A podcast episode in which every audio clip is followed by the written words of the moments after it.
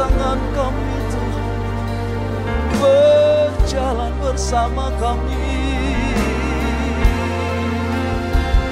Tuntun hidup kami Tuhan Oh rala besian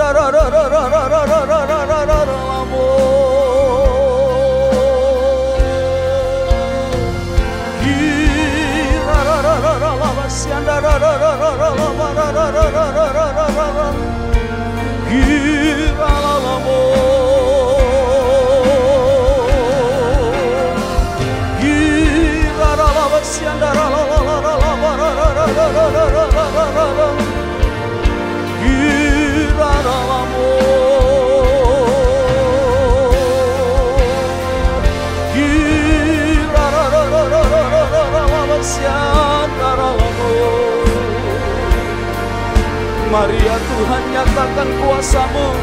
Kasihmu lebih lagi ya Tuhan. Jamah setiap hati yang berbeban berat. Sembuhkan yang sakit Tuhan. Hidupkan yang sedih. Tuhan cukupkan yang kekurangan.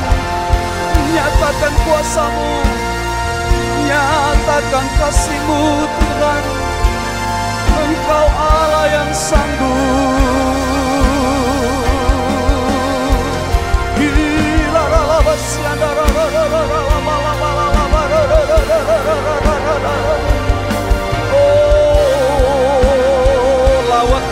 negeri kami, lawat bangsa kami Indonesia, ya Tuhan.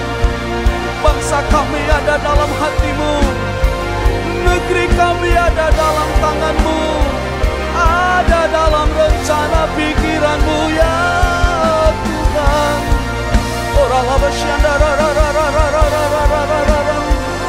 Mari Tuhan kau memberkati presiden kami beserta jajarannya. Berkati setiap kepala-kepala daerah dengan hikmatmu untuk mengatasi setiap masalah-masalah yang ada akibat daripada pandemi COVID-19 ini ya Tuhan. Mari Tuhan berikan hikmatmu.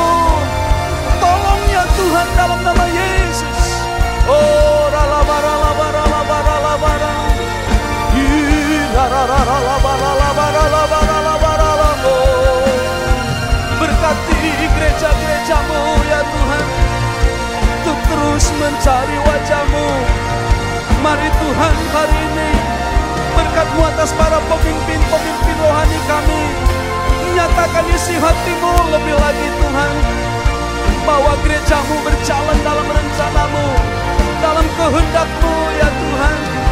Berjalan dalam tuntunan tiang awan dan tiang api. Dalam nama Yesus Orala besik Haleluya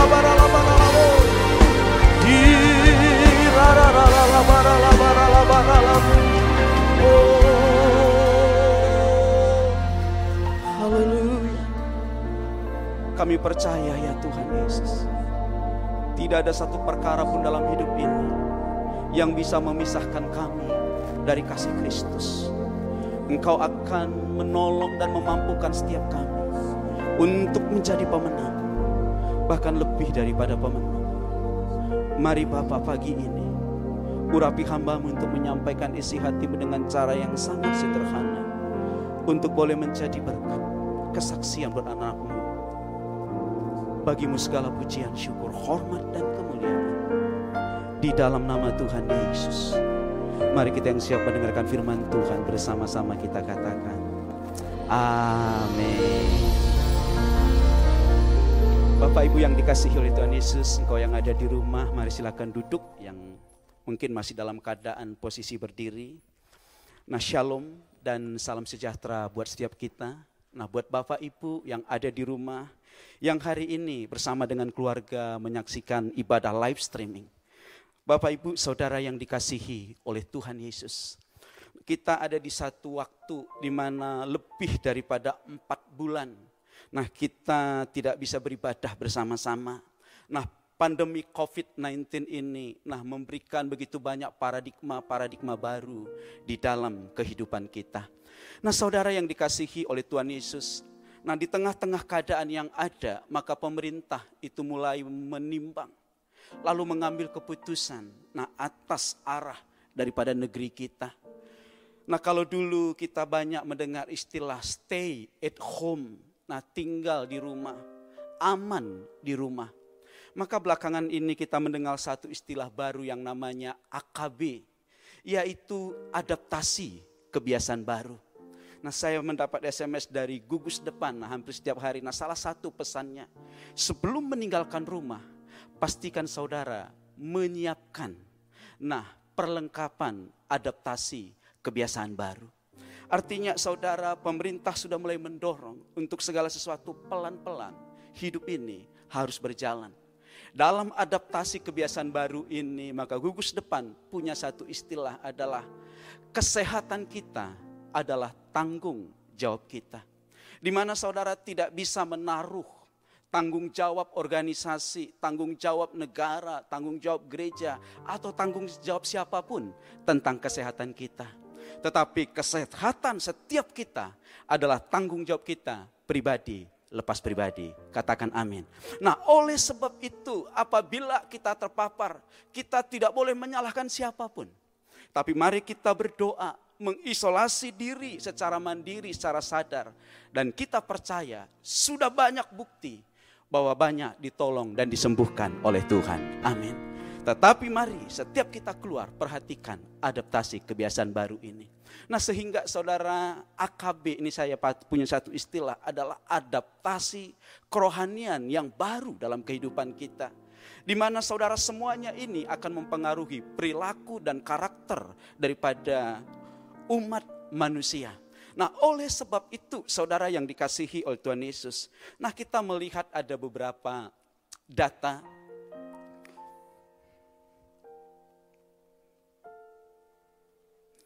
Nah, tentang adaptasi yang baru ini.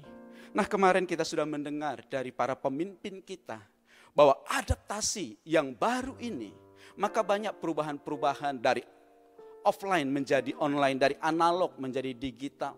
Nah ibadah-ibadah juga sudah mulai banyak, ibadah-ibadah online. Nah sehingga saudara tanpa kita sadari semuanya ini akan mempengaruhi perilaku sosial kita dan perilaku kerohanian kita.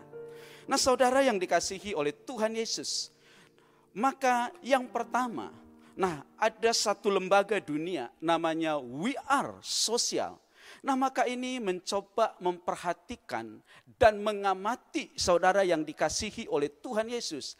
Perlaku begitu banyak orang khususnya di dalam media sosial.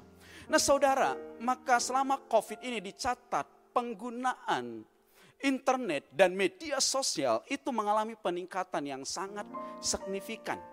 Bahkan saudara dulu kalau gadget smartphone itu identik dengan laki-laki dunia kerja. Tapi belakangan ini ada perubahan. Nah wanita justru lebih banyak. Dulu smartphone itu dianggap orang-orang muda, kaum milenial. Tetapi data belakangan ini orang-orang tua pun sudah mulai ikut. Nah saudara, bahkan dicatat saudara website atau aplikasi yang paling banyak dikunjungi, di download itu semuanya dicatat dan berapa hari atau berapa menit setiap kali orang mengunjungi satu website. Semuanya dicatat sama data ini. Nah kita tidak bicara dunia, kita bicara negeri kita.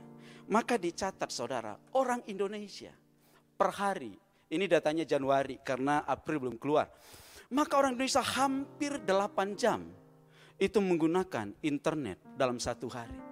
Dan 3 jam 26 menit, nah itu berkaitan dengan media sosial Nah, update status, like, dan lain sebagainya. Nah, itu ada. Bahkan saudara, beberapa media mencatat, nah selama COVID-19 ini, nah Keminfo itu mengatakan peningkatan pengguna internet itu hampir 40 persen. Nah sehingga saudara, kalau kita mulai melihat dan memperhatikan semuanya ini, maka saudara Indonesia juga dicatat. Nah orang buka YouTube itu berapa menit per sekali buka, berapa halaman per sekali buka, apa saja yang dikunjungi, semuanya dicatat, jejak kita diikuti. Nah, aplikasi yang paling banyak di-download orang Indonesia dan juga game yang paling banyak dimainkan, semuanya dicatat. Nah, sehingga saudara, ini yang saya mau sampaikan. Bahwa tanpa kita sadari, ini akan mempengaruhi perilaku sosial kita karakter kita, lebih daripada itu adalah perilaku rohani kita. Nah, sehingga saudara, ibadah online ini membuat orang begitu banyak mengunjungi website atau YouTube atau Facebook, ibadah-ibadah yang ada. Dan bisa dianalisa saudara ketika orang mengikuti satu ibadah rata-rata berapa menit orang melihat apakah dia menyelesaikannya. Itu juga bisa diketahui. Dan satu yang saya lihat banyak orang akhirnya nah kehilangan. Bahkan nggak tahu lagi dia siapa terakhir yang menggembalakan dia. Karena mereka mulai mencoba berpetualang secara rohani ke sana dan kemari. Sehingga kadang-kadang begitu banyak pendapat-pendapat yang mereka ungkapkan. Sehingga bahkan mereka mulai ketika kita tanya, sebenarnya kamu mendengarkan yang mana? Saudara yang dikasihi oleh Tuhan Yesus ketika ada hamba-hamba Tuhan menyampaikan firman Tuhan. Ayat-ayat firman Tuhan. Fenomenanya mengejutkan. Maka yang menonton itu kadang-kadang sedikit.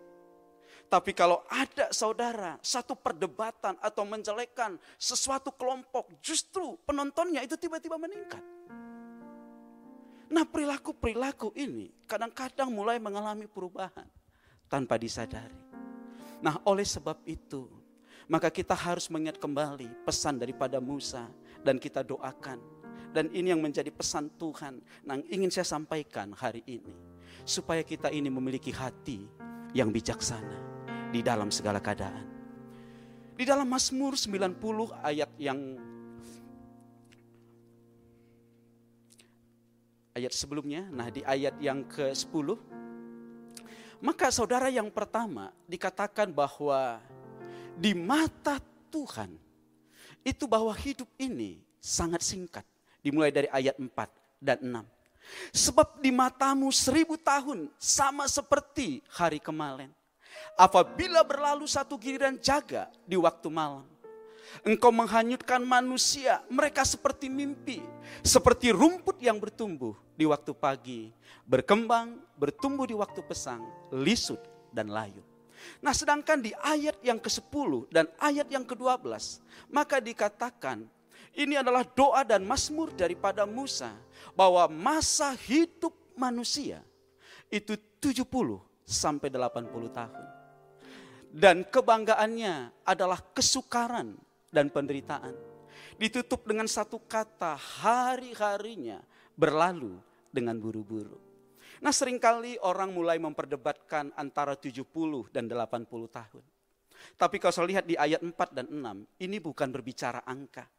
Tapi ini memberikan satu gambaran betapa singkatnya usia manusia. Bahkan usia manusia itu dikatakan seperti bunga rumput yang pagi ada, maka sore tidak ada lagi. Nah jadi saudara, pandemi COVID ini memberikan kita kembali sebuah pengertian. Bahwa hidup ini amat sangat singkat. Nah oleh sebab itu mari jangan sia-siakan hidup kita. Jangan sia-siakan waktu yang ada. Mari kita pakai sesuatu untuk berkarya bagi Tuhan. Berbuah untuk Tuhan. Karena ini adalah isi hati Tuhan. Katakan amin. Nah satu hamba Tuhan yang sangat kita hormati, nah Bapak Pendeta dapat surbakti almarhum. Nah pernah memberikan satu lagu, hidup ini adalah kesempatan. Dan saudara, tiba-tiba di Sumatera Utara, lagu itu banyak dinyanyikan oleh orang banyak. Nah saya coba cek pencipta lagunya, nah Bapak Pendeta Wilhelmus, nah Latu Mahina. Nah waktu saya lihat uh, petikan-petikan kata aslinya, nah itu diambil dari ayat ini. Nah di mana tujuan daripada hamba Tuhan Bapak Pendeta Latu Mahina ini adalah dia mau sampaikan dalam Mazmur ini hidup manusia itu seperti rumput yang sangat singkat. Hidup ini adalah kesempatan. Hidup ini untuk melayani Tuhan jangan sia-sia.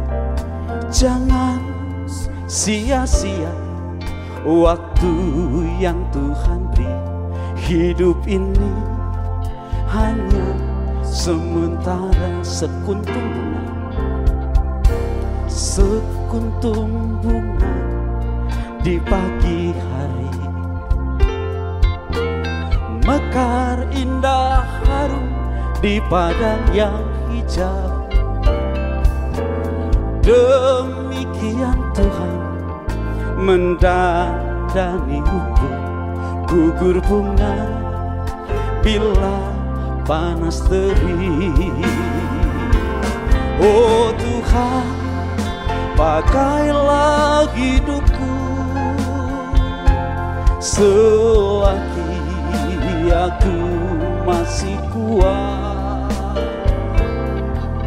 Bila saat aku tak berdaya hidup ini sudah jadi berkah sekuntum bunga sekuntum bunga di pagi hari.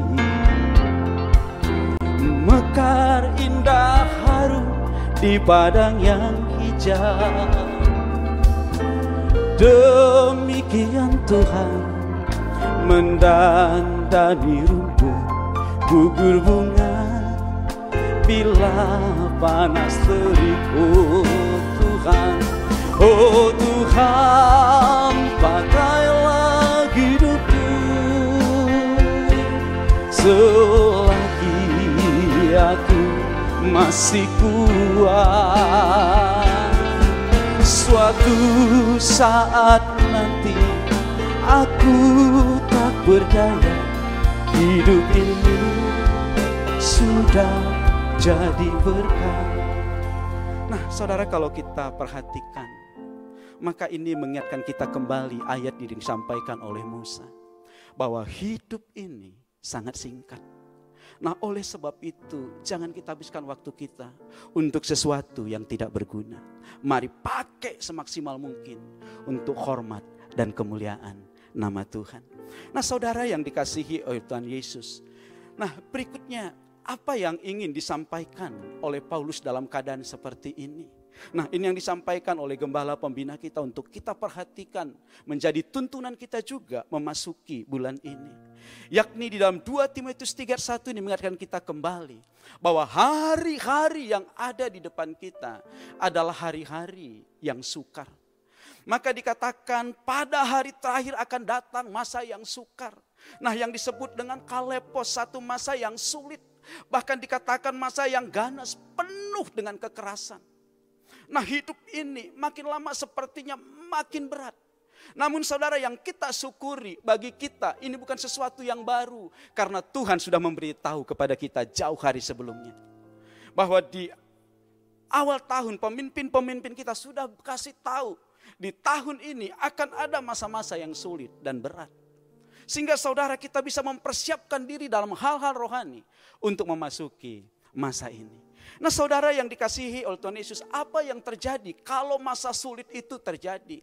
Maka kalau kita lihat di ayat-ayat berikutnya, maka perubahan perilaku, perubahan karakter itu mulai terjadi. Nah ini yang saya mau sampaikan, jangan sampai kita anak-anak Tuhan tidak menyadari hal ini ketika kalepos masa yang sulit ini mulai mempengaruhi karakter kita, pribadi kita dan jangan sampai kita tidak menyadarinya. Nah kenapa saudara kalepos maka di Matius 24 ayat yang ke-12 itu akan menyebabkan hati kita ini jadi dingin. Dan karena makin bertambah kedurhakaan, maka kasih kebanyakan orang akan menjadi dingin. Nah kata durhaka kedurhakaan ini diambil dari kata anomia. Saudara mungkin sering mendengar istilah anomali cuaca. Satu keadaan yang berubah-berubah dan tidak bisa diprediksi. Nah saudara, tahukah saudara, karena hari-hari ini kita menghadapi satu keadaan yang begitu cepat berubah dan tidak bisa diprediksi. Nah kadang-kadang orang tanpa sadar mulai menyerah.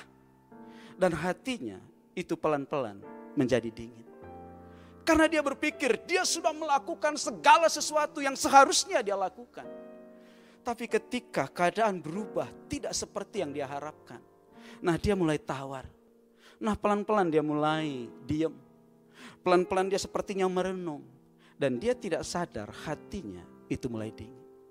Nah ketika kita melihat sesuatu yang tidak bisa kita prediksi. Ketika kita melihat satu keadaan yang begitu cepat berubah, maka dicatat arti daripada anomia ini. kadang-kadang ketika kebenaran itu kita lihat mulai terbalik, mulai berputar. Nah, ketika kita mulai melihat apa yang kita yakini juga kadang-kadang mulai berputar. Nah, dikatakan di ayat ini, tanpa orang sadar. Nah, kasihnya itu pertama, itu mulai berkurang. Nah, setelah kasihnya ini berkurang, nah lama-lama mulai dingin. Nah, sepertinya orang kadang sulit membedakan yang mana berserah, yang mana pasrah. Nah kadang-kadang dia masih berpikir dia berserah kepada Tuhan. Tapi sebenarnya dia sudah pasrah dan menyerah. Nah apa yang terjadi, terjadilah. Saudara yang dikasihi Tuhan Yesus, kita boleh berserah. Tapi kita tidak akan pernah menyerah, katakan amin. Karena kita tahu masa depan kita ada di tangan Tuhan. Bukan ada di tangan yang lain. Oleh sebab itu, dalam keadaan seperti ini kita berserah kepada Tuhan tapi kita nggak pernah menyerah. Bukti kita nggak pernah menyerah, kita tetap berbuat sesuatu, melakukan sesuatu, berbuah dan berkarya bagi Tuhan. Katakan amin. Oleh sebab itu jemaat Tuhan di mana pun kau berada, jangan menyerah. Mari berdoa, minta hikmat Tuhan, lakukan sesuatu. Ini bukan waktunya stay at home. Ini waktunya kita mulai bergerak pelan-pelan sesuai dengan pintu yang dibuka oleh pemerintah. Kita buat satu karya untuk Tuhan. Ini bukan waktunya lagi menutup diri dalam kamar dan merenung. Dan akhirnya kasih kita jadi dingin. Ini waktunya biar buah kita dan karya kita bisa dinikmati oleh orang lain. Nah saudara yang dikasihi oleh Tuhan Yesus. Maka yang berikutnya apa yang terjadi? Maka dampak daripada COVID-19 ini tanpa kita sadari. Nah pelan-pelan. Nah kalau hati kita dingin dan tawar nanti pelan-pelan kita tidak sadar. Nah kita mulai dipisahkan dari kasih Kristus. Ini adalah satu fenomena perilaku rohani yang bisa terjadi apabila kita tidak melekat dengan Tuhan. Nah saudara yang dikasihi oleh Tuhan Yesus. Nah saya melihat, nah ibadah online ini di satu sisi membuat orang beribadah dari rumah. Dan inilah satu karya gereja untuk menolong orang di masa-masa pandemi, pandemi ini tidak beribadah secara offline. Tapi di sisi yang lain, nah banyak juga orang di rumah, nah belum tentu dia nonton. Belum tentu dia mengikuti. Bahkan saudara, saya pernah melihat nah beberapa anak-anak Tuhan. Nah kalau kita lihat di Facebook, maka ketika dia bergabung namanya itu akan muncul. Tapi ada beberapa yang saya lihat dia itu muncul sampai satu ibadah itu empat lima kali muncul keluar, tiba-tiba muncul lagi keluar, tiba-tiba muncul lagi, tiba-tiba keluar, nggak muncul-muncul lagi. Artinya saudara dia tidak menikmati ibadah itu. Mungkin waktu dia lihat uh, pesan firman Tuhan, mungkin kurang pas rasanya pindah channel dulu. Begitu channelnya kurang menarik, balik lagi sebentar. Sehingga saudara fluktuasi angka yang mengikuti siaran itu bisa berubah-berubah. Nah saudara yang dikasih Tuhan Yesus artinya dia nggak sadar. Nah pelan-pelan dia mulai digeser. Apalagi ke depan ini tantangan kita makin berat. Di dalam diskusi-diskusi, nah beberapa daerah yang mulai hijau. Dan mereka mulai membuka ibadah. Bahkan dikatakan Pak beberapa bahkan belum ke gereja lagi. Alasannya keadaan belum baik. Jadi belum bisa ketemu orang di gereja. Lalu dari Senin sampai Sabtu ke mana dia? Aneh, ketemu orang di gereja tidak berani. Tapi ketemu orang di pasar, di pajak, di tempat kafe, berani saudara. Padahal kalau ketemu orang di gereja itu standarnya. Nah itu sangat tinggi. Protokolnya itu sangat tinggi. Tapi kadang orang udah mulai segan. Nah perubahan-perubahan ini tidak disadari memisahkan seseorang pelan-pelan. Kenapa saudara? Nah esensinya adalah karena ada penindasan, kesesakan, aniaya. Nah apalagi sudah tiga bulan lebih. Nah saya lihat waktu bulan-bulan pertama, nah bulan kedua, nah ditawarin siapa yang perlu bantuan. Wah semuanya masih kuat. Persediaan itu masih ada. Tapi begitu mulai memasuki bulan ketiga, memasuki bulan keempat, Nah orang sudah mulai, nah persediaannya itu berkurang. Bahkan beberapa mulai kehilangan kekuatan. Bahkan beberapa dia mau nyalahkan, tidak tahu siapa yang mau disalahkan. Sehingga dia mulai tawar dan dingin. Tapi kita bersyukur. Udah empat bulan lebih, ini kita sudah masuk bulan Juli. Kita nggak pernah berhenti berbuah. Kita nggak pernah berhenti berkarya. Amin. Setiap minggu. Maka pelayanan-pelayanan diakonia, bakti sosial tidak pernah berhenti. Karena kita tahu Ketika kita punya hati, maka Tuhan yang menyediakan benih bagi penabur. Katakan amin. Pertanyaannya, jangan sampai kita terpisah dari kasih Kristus di keadaan yang berat ini. Tapi tetaplah berkarya dan berbuah, maka engkau tidak akan pernah mengingat tentang kasih Tuhan yang akan jauh darimu. Tapi engkau akan merasakan kasih Tuhan makin hari makin dekat atas setiap kita. Nah percayalah saudara yang dikasihi oleh Tuhan Yesus. Dikatakan di ayat ini, Tuhan berjanji kalau kita tetap kuat, berani berbuah dan berkarya di masa sulit seperti ini, kita nggak mau dipisahkan dari kasih Kristus. Maka apa yang terjadi Tuhan berjanji akan menjadikan kita pemenang, bahkan lebih daripada pemenang. Nah saudara kenapa dicatat di ayat ini kita ini lebih daripada pemenang? Nah karena kata menang itu selalu identik dengan perlombaan di mana saudara harus berusaha mengalahkan seseorang untuk bisa menang. Tapi kemenangan di dalam Tuhan bukan berbicara kemenangan untuk mengalahkan yang lain. Tapi kemenangan di dalam Tuhan sehingga kita ini lebih daripada pemenang adalah bersama-sama kita mencapai garis akhir. Katakan amin. Nah saya senang dengan istilah pemimpin kita yang selalu memakai istilah. Mari kita sama-sama mencapai garis finish Enggak ada yang terlambat, enggak ada yang kecepatan. Itulah kemenangan sejati yang Tuhan mau. Tidak ada di antara kita yang tawar, mundur, sakit hati, tetapi bersama-sama kita akan berjalan untuk mencapai garis akhir, untuk mencapai garis finish karena ini kemenangan yang Tuhan janjikan, bukan satu kemenangan kompetisi yang ingin mengalahkan orang lain, tapi satu kemenangan yang bersama-sama kita mencapai garis akhir. Makanya Tuhan janji, kita ini bukan sekedar menang, bahkan lebih daripada pemenang. Nah, mari kita tutup dengan satu ayat ini. Percayalah bahwa tidak akan ada yang bisa memisahkan kita dari kasih Kristus. Sebab aku yakin inilah ungkapan hati daripada Rasul Paulus. Nah untuk jemaat yang ada di Roma, dia tulis bahwa sebab aku yakin bahwa baik maut maupun hidup, baik malaikat-malaikat maupun pemerintah-pemerintah, baik yang ada sekarang maupun yang akan datang, atau kuasa-kuasa, baik yang di atas maupun yang di bawah, ataupun suatu makhluk lain. Mari baca di layar saudara yang warna hijau ini, satu, dua, tiga. Tidak akan dapat memisahkan kita dari kasih Allah yang ada dalam Kristus Yesus, Tuhan kita. Saudara yang dikasihi oleh Tuhan Yesus di saat seperti ini, pastikan saudara tetap tinggal dalam kasih Kristus. Selama saudara tinggal dalam kasih Kristus Yesus Tuhan kita, percayalah, tidak ada satu kekuatan pun yang bisa memisahkan kita dari kasih Tuhan. Saya percaya, malaikat sekalipun, kekuatan yang di mana sekalipun yang mencoba merebut kita tidak akan bisa.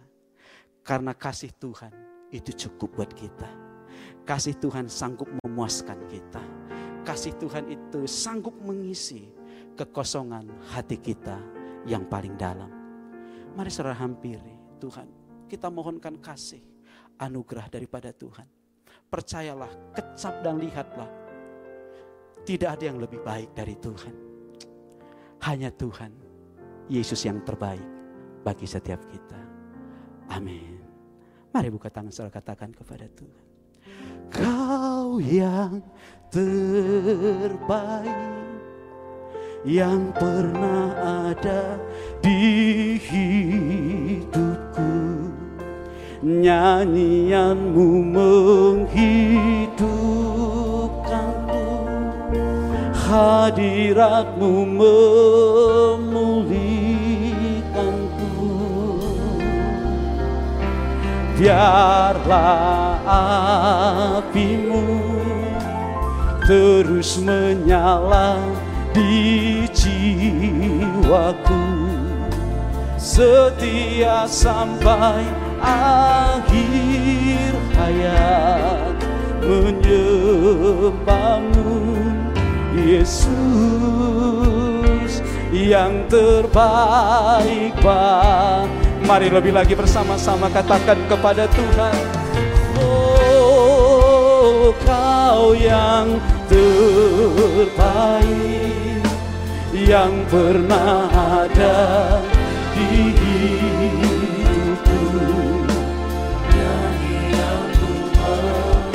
Hidupkanku hadiratmu memulihkanku ku. Angkat tanganku angkat tangan sebagai tanda penyerahanku setia sampai akhir hayat menyembahmu Yesus yang terbaik Pak. Mari kita bangkit berdiri bersama-sama. Mari kau yang ada di rumah persiapkan roti dan anggur yang terbaik yang pernah ada di hidupku.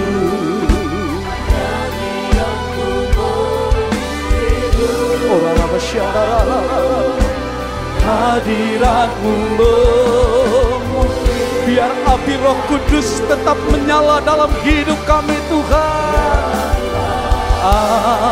Apimu terus menyala di jiwaku. Setia sampai akhir hayat menyembahmu Yesus yang terbaik bagiku. Kau yang terbaik Kau yang terbaik Yang pernah ada di hidupku. Nyanyi yang menghidupkanku hadiratmu memulihkanku. Jauh angkat sebagai tanda penyerahanku setia sampai akhir hayat menyembahmu Yesus yang terbaik Pak setia. Sampai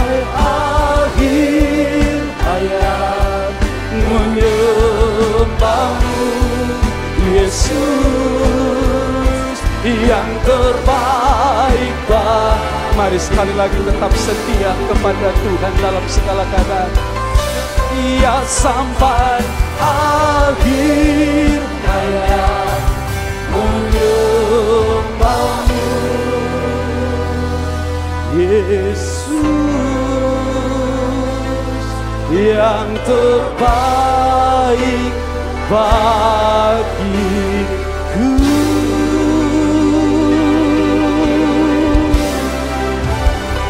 Haleluya, haleluya, haleluya, haleluya, haleluya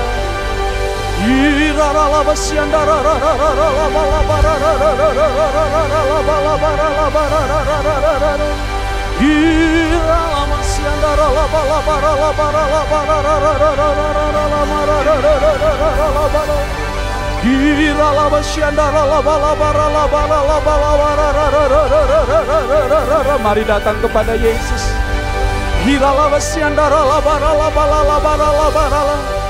Jangan izinkan keadaan-keadaan yang sulit membuat kasihmu itu berkurang.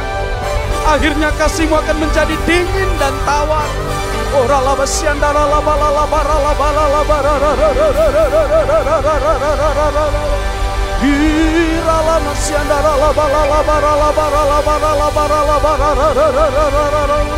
Mari kepada Yesus.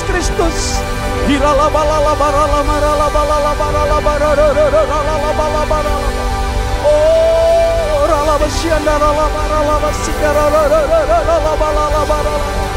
Kami percaya Tuhan tidak ada yang dapat memisahkan kami dari kasih-Mu.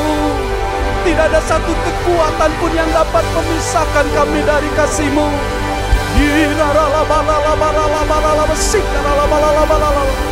Biar api-Mu Roh Kudus tetap menyala dalam hidup kami. Yang memberikan kami semangat dan gairah yang baru ya Tuhan. Pagi ini kami angkat tangan kami sebagai tanda. Kami berserah kepada Tuhan. Namun kami tidak akan pernah menyerah ya Tuhan.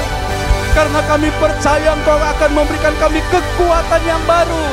Laksana burung Raja Wali ya Tuhan.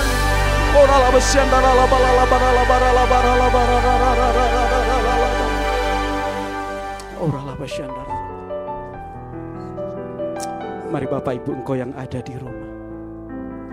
Mari persiapkan roti dan anggur. Kita akan memasuki perjamuan kudus. Orala basyandara la para la para la Haleluya.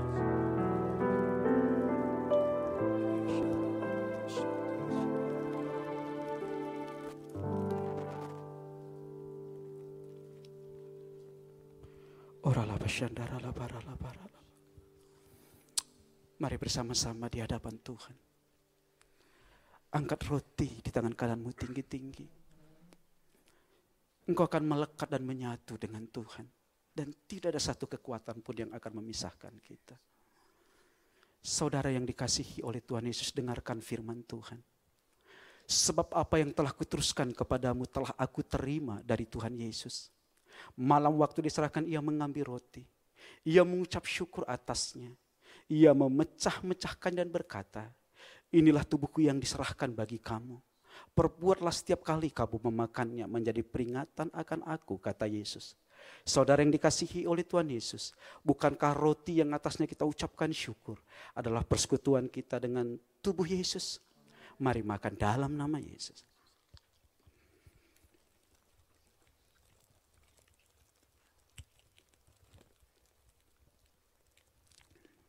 Mari umat yang dikasihi oleh Tuhan, angkat cawan di tangan saudara tinggi-tinggi. Demikian juga ia mengambil cawan sesudah makan lalu berkata, Cawan ini adalah perjanjian baru yang dimeteraikan oleh darahku.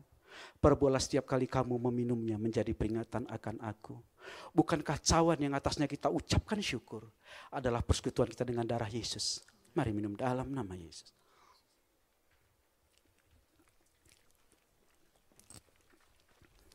Mari sekali lagi buka kedua tangan. Kita sembah Tuhan.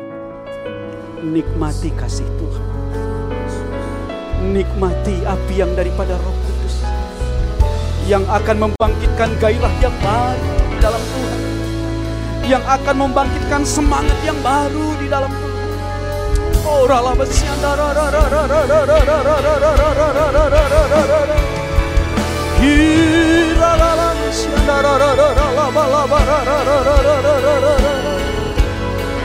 Hallelujah, hallelujah, hallelujah.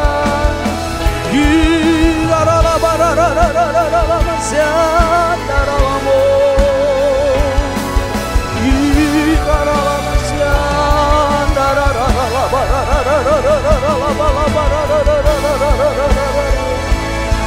Kasihmu yang baru mengalir dalam hidup kami.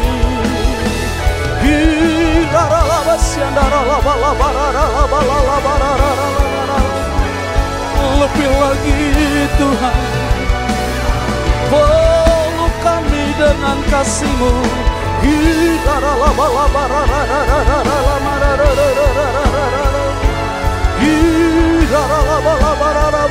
Mari lebih lagi jangan berhenti Hampiri Tuhan, hampiri Yesus. Sebab Yesus ada di tempat di mana engkau hari ini mengikuti live streaming. Dia Allah yang mengasihimu.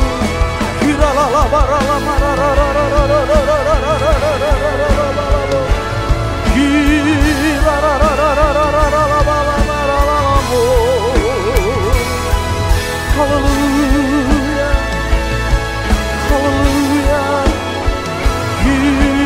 Oh,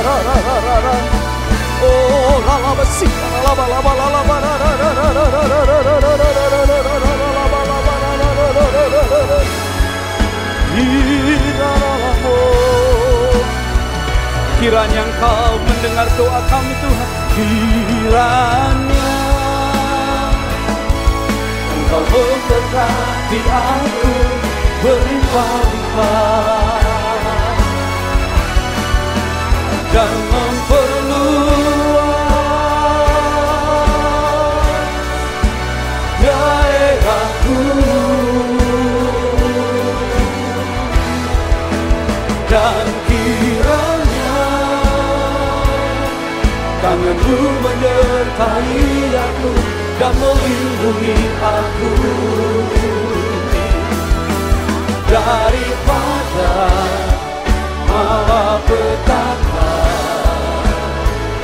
Sehingga kesakitan tidak menimpa aku.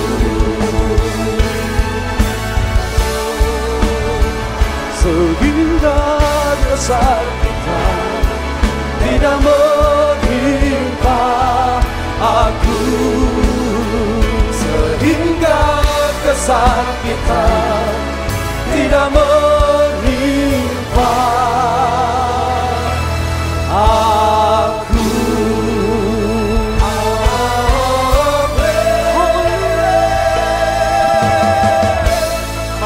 tangan yang meriah buat Allah kita. Haleluya.